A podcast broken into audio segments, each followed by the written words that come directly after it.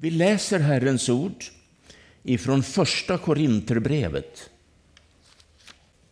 Det femtonde kapitlet från den första versen. Bröder, jag vill påminna er om evangeliet som jag predikade för er, som ni tog emot och står fasta i, och genom vilket ni blev frälsta. Jag vill påminna er om orden som jag förkunnade, om ni nu håller fast vid dem. Annars var det förgäves att, jag kom, att ni kom till tro. Jag meddelade er det allra viktigaste, vad jag själv hade tagit emot, att Kristus dog för våra synder enligt skrifterna. Att han blev begravd. Att han har uppstått på tredje dagen enligt skrifterna och att han visade sig för Kefas och sedan för de tolv. Därefter visade han sig för mer än 500 bröder på en gång, av vilka de flesta ännu lever, medan några är insomnade. Sedan visade han sig för Jakob och därefter för alla apostlarna. Allra sist visade han sig också för mig, som är att likna vid ett ofullgånget foster, ty jag är den ringaste av apostlarna. Jag är inte värd att kallas apostel, eftersom jag har förföljt Guds församling. Men genom Guds nåd är jag vad jag är. Och hans nåd mot mig har inte varit förgäves, utan jag har arbetat mer än de alla.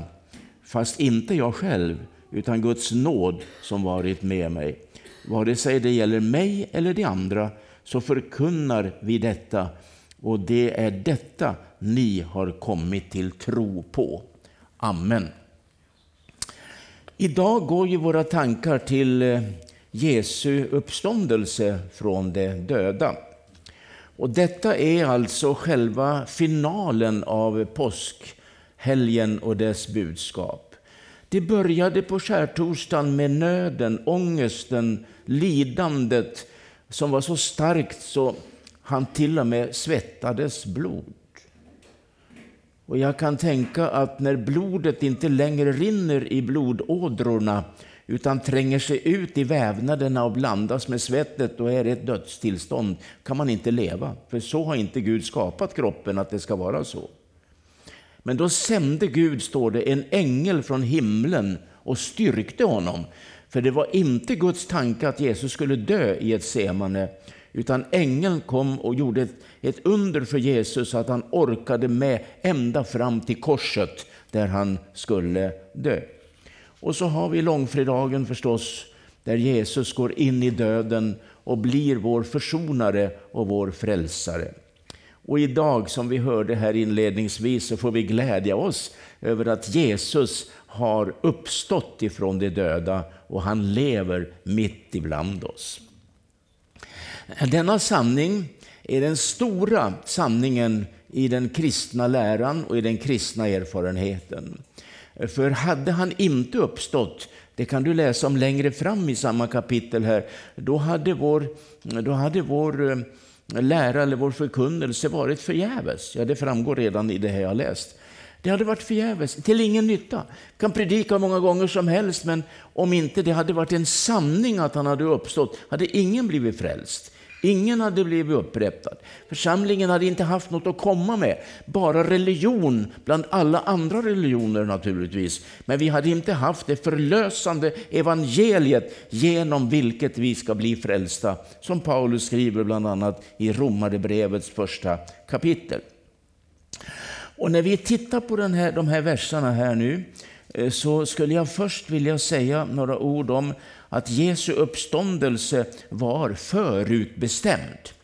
Det var ingen tillfällighet att han uppstod. Det var inte så att Gud fick för sig helt plötsligt i himlen, ja men jag ska ta och uppväcka han är ju död nu, men han ska, jag uppväcker han. Utan det, det var förutbestämt, det var profetiskt förutbestämt alltså. Och Jesus själv hade ju förutbestämt detta. Om vi går till Johannes evangeliet till exempel, i det andra kapitlet eh, så heter det så här ifrån den 19 versen. Nu är det Jesus som talar. Bryt ner detta tempel så ska jag resa upp det på tre dagar. Judarna sa, i 46 år har man byggt på detta tempel och du ska resa upp det på tre dagar. Men det tempel han talade om var hans kropp. När han hade uppstått från de döda kom hans lärjungar ihåg eh, att han hade sagt detta och de trodde på skriften och på det ord som Jesus hade sagt.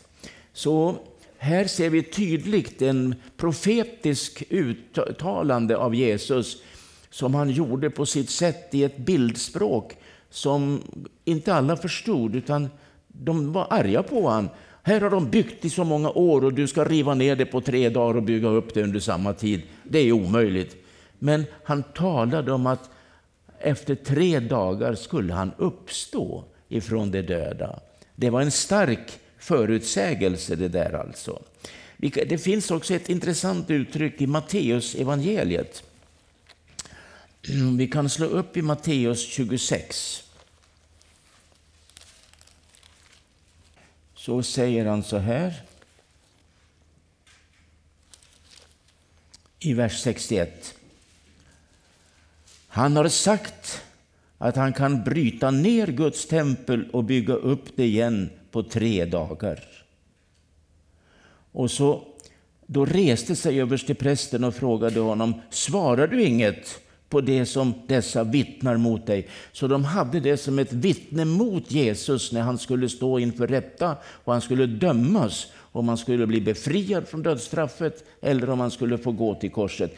Så den saken kom till, alltså till högsta politiska och juridiska nivå här i landet. Frågan om hur han skulle få ihop det där, att templet skulle byggas upp på tre dagar. För det var ju nämligen en hädelse, för det var inte vilket hus som helst han hade sagt det om som de hade uppfattat det. Det var Guds helgedom det handlade om. Sen har vi profeterna, för jag läste här i texten i första Korinthierbrevet, enligt skrifterna flera gånger. Han dog enligt skrifterna, han uppstod enligt skrifterna, han visade sig enligt skrifterna.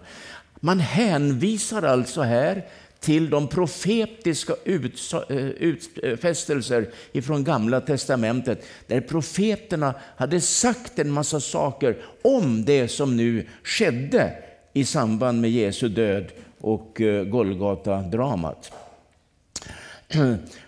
Det är, det är intressant det där. Och jag ska titta på Matteus 17. Vi får läsa lite bibelord här så vi får bekräftelse på att det här var viktiga saker i Jesu liv och i Jesu förkunnelse också.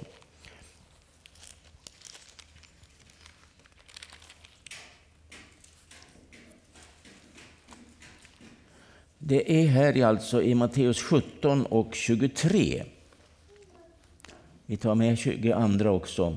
När de var samlade i Galileen sa Jesus till dem Människosonen ska utlämnas i människors händer. Det här säger han alltså innan han dog på korset förstås. Och det skall döda honom. Men på tredje dagen ska han uppstå.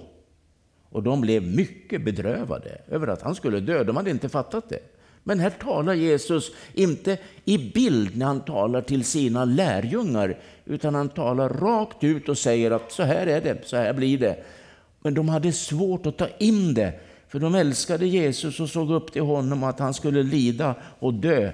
De hade liksom inte noterat riktigt att han att han skulle uppstå också, utan de fäste sig mest vid att han skulle dö och skiljas ifrån dem eh, därmed alltså. I det tjugonde kapitlet i samma Matteus bok mm, eh, kan vi se om, i den artonde versen. Äh, det här är intressant, för nu skulle de gå upp mot Jerusalem för att han skulle lida och dö. Så säger han, se, vi går nu upp till Jerusalem och Människosonen kommer att överlämnas till översteprästen och de skriftlärda. De ska döma honom till döden och utlämna honom åt hedningarna som ska håna och gissla och korsfästa honom. På tredje dagen ska han uppstå. Det är väl intressant att Jesus talar så tydligt med sina lärjungar så de, de måste väl fatta och begripa vad han sa. Men de hade ändå lite svårt att ta in det. Det var för mäktigt för dem. Så jag tror att det var, det var först efter att det hade skett som de kunde minnas. Ja, men han sa ju det! Vi, varför kom vi inte ihåg det? Varför, vi, varför har vi glömt vad han sa? Ja, så det var förutbestämt av Jesus Kristus själv och därmed också av de heliga profeterna. Det eh, finns många bibelord om det där, men vi kan inte ta med fler än så nu. Eh, sen är det som att Jesus konfirmerar och stadfäster en sanning som har att göra med, med, hans, eh, med hans död och hans uppståndelse. Han säger det i Matteus evangeliets tolfte kapitel. Vi kan titta på det också. då. Matteus evangeliets tolfte kapitel eh, och det är från 39.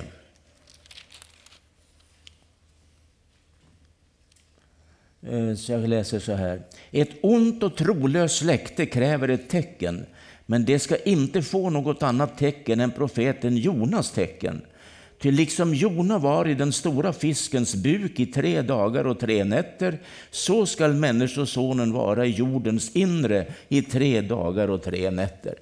Här låter Jesus profeten Jona bli en förebild eller ett tecken på hans egen uppståndelse.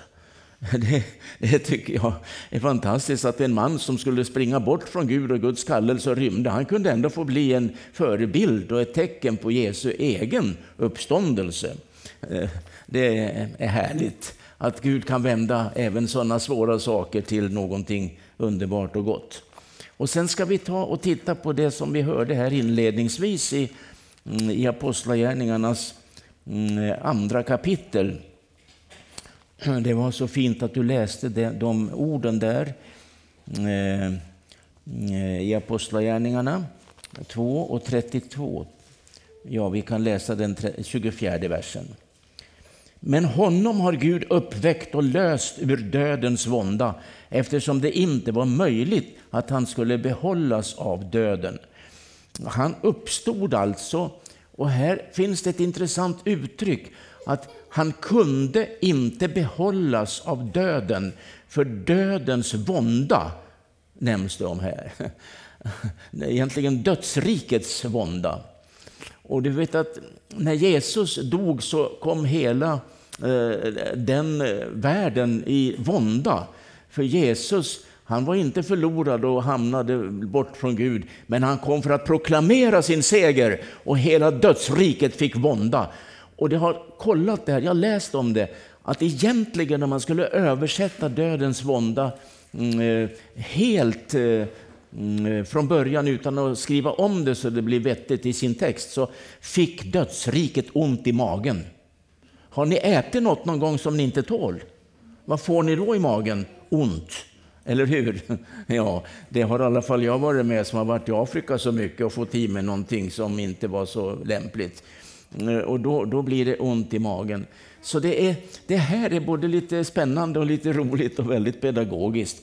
Så som, så som Jona var i den stora fiskens buk i tre dagar och tre dygn, så fick dödsriket ont i magen när Jesus dog, därför att det var en smärta. Och jag kan tänka mig att den stora fisken fick ont i magen när han åt upp en profet. Så ät inte upp profeter vad ni gör. Då får ni ont. Och då gör det inte bara, inte bara ont i magen utan i själen också. Låt profeterna tjäna fritt. Ehm, Men om fantasin får vara med lite grann, är det tillåtet här i er kyrka? Ja, du säger ju ja i alla fall, så jag får lita på dig då. Du vet att den där stora fisken, han, eh, han sög i sig den där profeten som hade blivit kastad över bord. Ja, ni känner till hela historien. Mm, och då tror jag att han åkte omkring bland sina fiskkompisar där ute i havet och klagade. Jag har fått så rysligt ont i magen. Mm, ja, men du har väl ätit något olämpligt? Ja, jag åt upp en profet häromdagen. Ja, då är det inte underligt att du får ont i magen. Mm, för det är en olämplig föda för en sån här fisk som vi är. Mm, eh, och så, och så blev det ondare och ondare i magen och där inne fanns ju han och han ropade till Gud. Och när du får nödens bön i magen, då fattar du väl att det blir en konflikt i anden där på något sätt. Och du, han, han bad och ropade till sin Gud, skriver han i sin bok som vi har i Bibeln. Och han åkallade sin Gud, det vill säga bön i nödens tid var det för honom. Och jag kan säga dig, hade en stor fisk ätit upp mig så skulle jag verkligen fått panik. Ni kanske är mera lugna och sansade så ni skulle klara av en sån. Nej, knappast ingen. Nej, alla hade fått det naturligtvis. Och där fanns inget altarbord i den där magen med några tända ljus och vackra blommor som matchade tapeterna runt om i magen där. Utan inget sådant fanns som en hjälp för honom i sin bön. Utan när nöden blir tillräckligt stor, då är det bara att ropa ut sin nöd. behövs inga hjälpmedel av ett designat bönerum, utan han ropade till Gud. Och du, efter tre dagar fick fisken så ont i magen så han kastade upp. Vet ni vad jag talar om nu? Har ni varit med om det någon gång? Nej, men det har jag varit. Man får så ont i magen så man kan inte behålla det man har ätit. Eh, det heter att kasta upp. Det finns andra uttryck för det, men jag, det får räcka så. Ni vet väl vad jag pratar om nu, eller hur? Och så som ormen, förlåt mig, så som fisken gjorde det, så skedde det med Jesus på tredje dagen. Dödsriket kunde inte behålla honom. De måste släppa taget, för de fick så ont i magen så att de bara tillät, nu måste du härifrån, du måste uppstå. Och så lever han mitt ibland oss idag. Visst är det härligt? Halleluja. Och ändå var han inte under dödsrikets våld, var Jesus aldrig någon gång. Han hade besegrat dödsriket och ändå när han dog så, så blev det som jag nu har försökt att beskriva det här. Lite, lite humor kanske, men ändå en pedagogisk eh, förståelse till det som verkligen skedde där. Jag ser också här att, eh, mm, eh, att Jesus eh, Jesus uppstod från de döda. Mm, genom församlingens vittnesbörd så blir det en bekräftelse.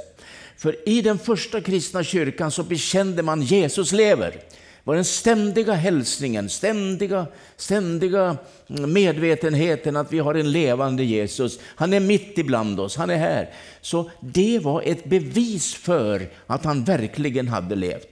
Och det mina vänner måste vi kanske återupprätta lite mer i våra församlingar. Bekännelsen, tydlig och klar. Jesus lever. Han är mitt ibland oss när vi samlas till gudstjänst, när vi går till bönemötet, när vi går till församlingsmötet eller styrelsen går till äldstemötet eller vad vi nu har för möten. När vi samlas i bönegruppen så är det därför att Jesus lever och är mitt ibland oss. Halleluja. Jesus lever. Jag ska inte tala så mycket sånt som är negativt, men jag måste bara få nämna det att jag har en bok hemma i mitt bibliotek som jag skaffade för några år sedan. Eh, för jag ville veta vad de hade skrivit. Det är flera kända teologer från Sverige som har skrivit den under Kristina Grenholms eh, ledning. Det är hon som är, står för den, men det är inte hon som har skrivit alltid den. Och hon är ju och har varit i alla fall Svenska kyrkans teologiska ankare på något vis. En duktig människa, teolog och utbildad. Och så, och så kom jag i, i läsningen av den där boken, nu minns jag inte exakt vem som skrev det och det spelar ingen roll, att vi i kyrkan tror på Jesu uppståndelse och vi bekänner det i varje högmässa i vår trosbekännelse. Men den den uppståndelsen har ingen som helst historisk relevans. Men vi tror på den och bekänner den. Alltså, de, han, de skrev, vi tror på någonting som aldrig har skett. Men vi tror på det och bekänner det därför att när vi mår dåligt någon dag, det är bra att veta att det finns en livets kraft som kan hjälpa oss. Om vi bara tror på det så blir det bra. Men du, här i Pingstkyrkan i Stöpen, där, där tror ni på att han har uppstått på riktigt, eller hur? Han är och han är ju här i mötet, livslevande. Tänk om vi fick se Men han är här. Alltså, det är så underbart att veta att Jesus Kristus, den uppståndne frälsaren, är i denna kyrka idag. Men han är också i alla andra kyrkor, i alla andra familjer och han är i Benin och han är här och han är i alla länder, överallt är Jesus. För genom uppståndelsen från de döda är han allestädes närvarande. Det var han icke under sitt jordelivsdagar. Då var han begränsad av tiden och rummet. Så var han i Nasaret så kunde han inte vara i Jerusalem och var han i Betlehem kunde han inte vara i Nain. Han var där han var, punkt slut. Men genom uppståndelsen från de döda, och det bekänner vi, så är han allestädes närvarande. Och du som kan kämpa din kamp i din ensamhet i den mörka natten så vet du, han är där du är då när kampen är som svårast. Och han är inte bara där som ett minne eller som en slags uppståndelse som bara är påhittad, utan han är där livslevande. Halleluja. Där borde ni sagt lite amen och halleluja. För det där var det bästa man kan säga. Jag kan inte säga något mycket bättre än så där.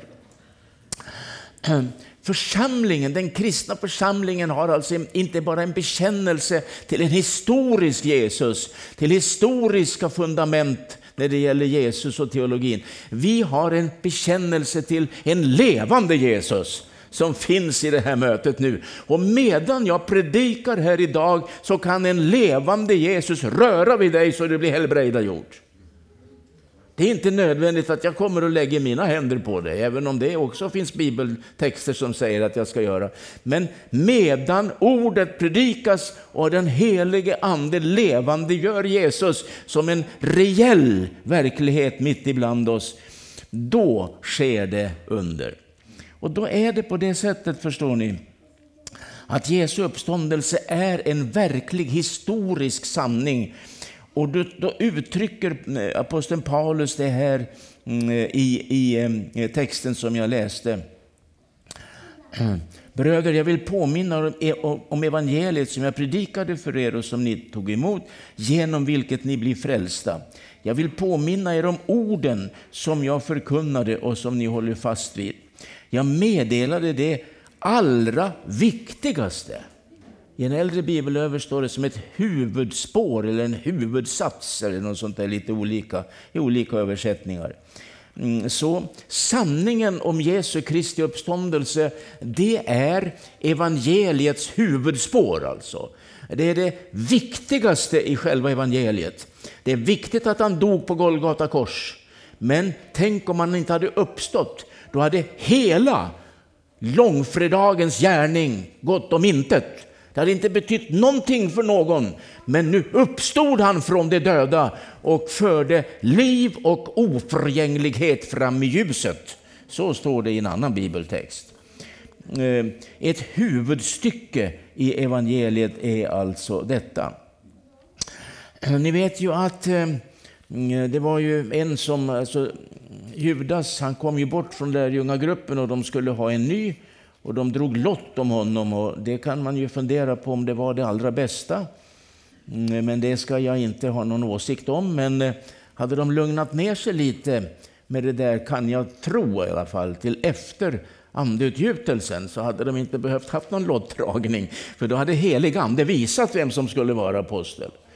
Eh, så jag kan säga det, om vi nu håller på och drar lott om saker och ting eller vi annonserar om olika saker och ting för att få opinionerna och majoriteterna att ha några åsikter. Men den som har en uppstånden Jesus, han har en mun att tala med.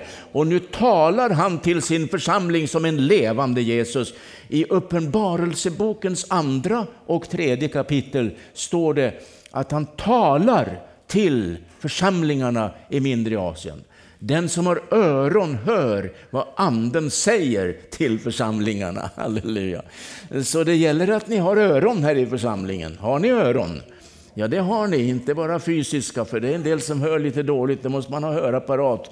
Men, eh, men du som är till och med hör dåligt eller är döv, så hör du Guds röst. För det går inte genom fysiska öron, det går genom din ande som är inombords så du hör tydligt och klart vad den helige ande säger. Och då behöver man inte ha lottdragning. Det är min uppfattning i alla fall att, att det kunde ha varit på det sättet. Va? Ehm, och eh, om vi går då till Apostlagärningarna, det andra kapitlet. Mm. Jag ska slå upp det här i min bibel. Apostlagärningarna 2. Eh,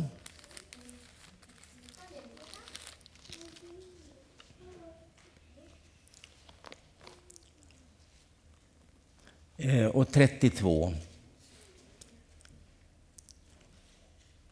31 kan vi ta med. I förväg såg han Kristi uppståndelse och sa, han ska inte lämnas kvar i graven och hans kropp ska inte se förgängelsen.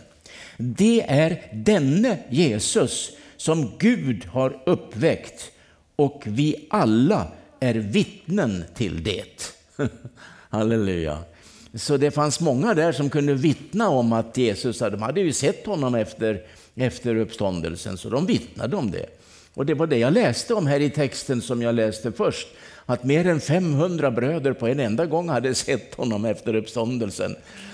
Och, och då är det så att det finns ju en lära som säger också, Ehm, helt felaktigt, men det finns en, en, teori som säger att hans uppståndelse var inte en kroppslig uppståndelse utan en andlig.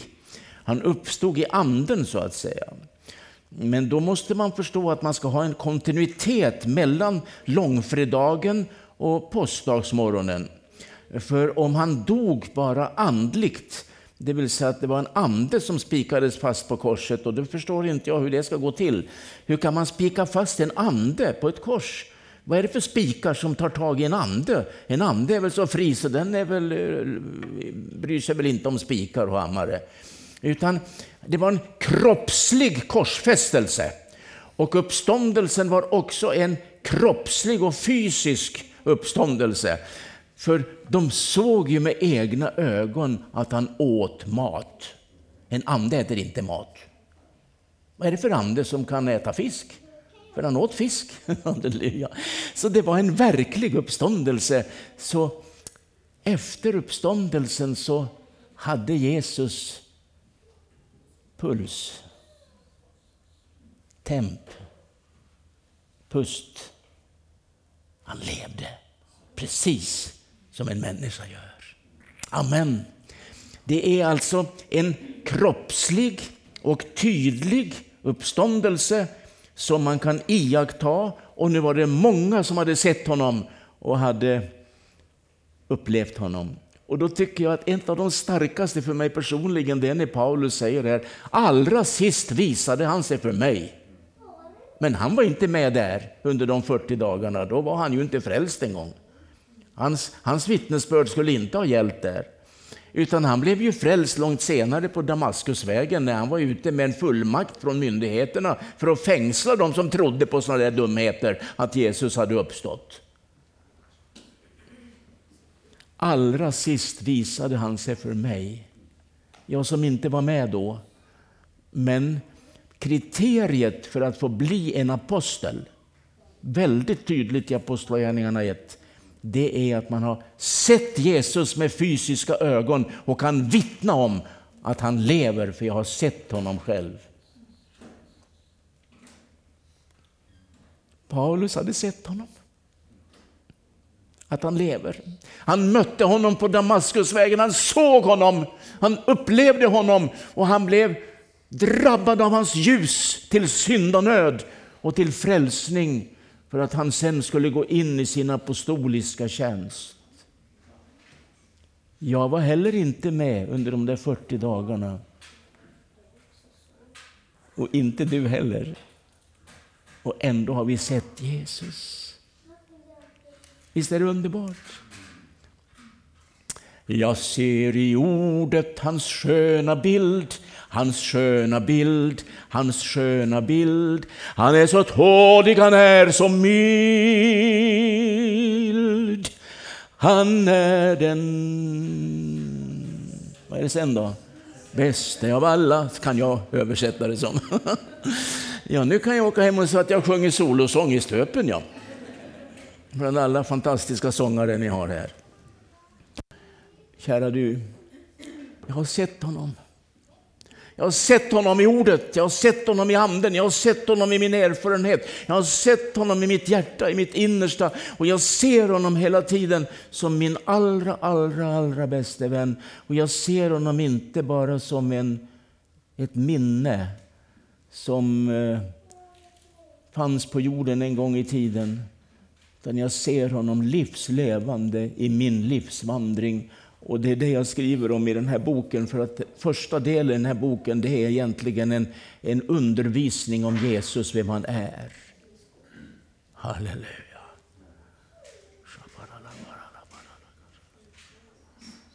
Tack Jesus. Och detta är alltså ett huvudstycke. Det är det viktigaste att han har blivit uppstånden och därmed synlig. Församlingen idag måste se Jesus. Och Vi har texter som säger att, att honom ser vi genom tron, uppenbarelse, eh, förlåt mig, Hebreerbrevet eh, 11 och sen också i tolfte versen. Och se Jesus i bönen, i ordet, i vandringen med honom. Halleluja. Det är underbart. Att det var en verklig uppståndelse, det är alltså ett huvudspår i teologin omkring Jesu uppståndelse från de döda. Och då ska vi gå mot avslutningen och eh, säga några ord om konsekvenserna av eh, uppståndelsen och eh, vad det innebär för oss idag. Och det första jag vill då säga det är att han genom uppståndelsen från de döda är bevisad vara Guds son. Det säger Paulus tydligt i Romarbrevet 1 och den fjärde versen. Allt sedan uppståndelsen från de döda är han bevisad vara Guds son. Det står inte att han blev Guds son då, men han är bevisad att han är Guds son och var det också förstås innan uppståndelsen. Så mina vänner, vi har här eh, ett bevis för, att, för Jesu gudom. Han är, han är Guds son som han hävdade. Och beviset var det att han besegrade själva döden och uppstod ifrån de döda och bevisade därmed sin gudomliga verklighet. Halleluja. Och det andra som jag ska säga där, det är pånyttfödelsens verklighet. För vi som är här och är frälsta nu idag, vi är födda på nytt genom Jesus Kristus. Vi är födda på nytt. Och vi har bibelord till exempel i första Petrus 1. Ni kan läsa det sen när ni kommer hem. Det står att han har fött oss på nytt till ett levande hopp genom uppståndelsen från de döda. Så om vi, om vi tar bort uppståndelsen från de döda och ignorerar den och förnekar den på något sätt, då finns det ingen pånyttfödelse. Pånyttfödelsen grundar sig i det faktum att Jesus uppstod ifrån de döda. Och då måste vi få tacka Gud för att Jesus är en levande frälsare mitt ibland oss. Och vi har också ett ord i Romarebrevets fjärde kapitel Eh, om rättfärdiggörelsen genom tro. Och där skriver aposteln Paulus eh, att, eh, att vi har rättfärdiggörelse genom tro genom Jesu Kristi uppståndelse från de döda. Och det där rättfärdiggörelse, det betyder rätt, färdig inför Gud. Färdig, det är, det är nog, det är fullkomligt. Alltså mitt liv är inte fullkomligt, men min rättfärdiggörelse av tro grundad på Jesu uppståndelse, det är fullbordat. För han uppstod och det kan inte bli bättre än så. Det är, det är, det är maximalt alltså. Och när jag förstår det och blir frälst, då ser Gud på mig med sina underbara ögon. Det räcker nu, det är bra så finns inget mer att göra åt det här. Du är Guds barn nu. Du är alltså rätt, inte fel, men rätt. Och så är du färdig för att kunna ha kontakt med Gud. Så det är så fantastiskt att stå här och se ut över er alla. Ni är rätt ni som sitter här. Är ni inte glada för det? Jo, jag ser att ni varit, nu varit många glada här. Ni är rätt. Och så är det färdigt, det vill säga fullkomnat genom Jesu Kristi gärning. Han ropade på korset, det är fullbordat. Och vi är rätt i relation till Gud. Det betyder inte att vi för all framtid har någon garanti för att leva i seger. För det där måste vi leva i en ständig omvändelse eh, för att kunna bibehålla den ställningen. Men eh, jag kan säga ärligt att jag, jag är, jag, ni har fått en frälst broder som predikar i alla fall idag, det kan ni säga. för jag är frälst, ja halleluja. Men jag är inte fullkomlig. Nej, jag har mycket att lära. Jag, Gud måste visa mig mycket. Jag, jag, jag är ju inte så gammal än som en del tror kanske, men jag har ändå mycket att lära. Jag har ju fyllt 60, det är ju sant, men, eh, men eh, det är inget att skratta åt. Det har jag faktiskt gjort. Det gjorde jag för 18 år sedan. Och ändå har jag mer att lära.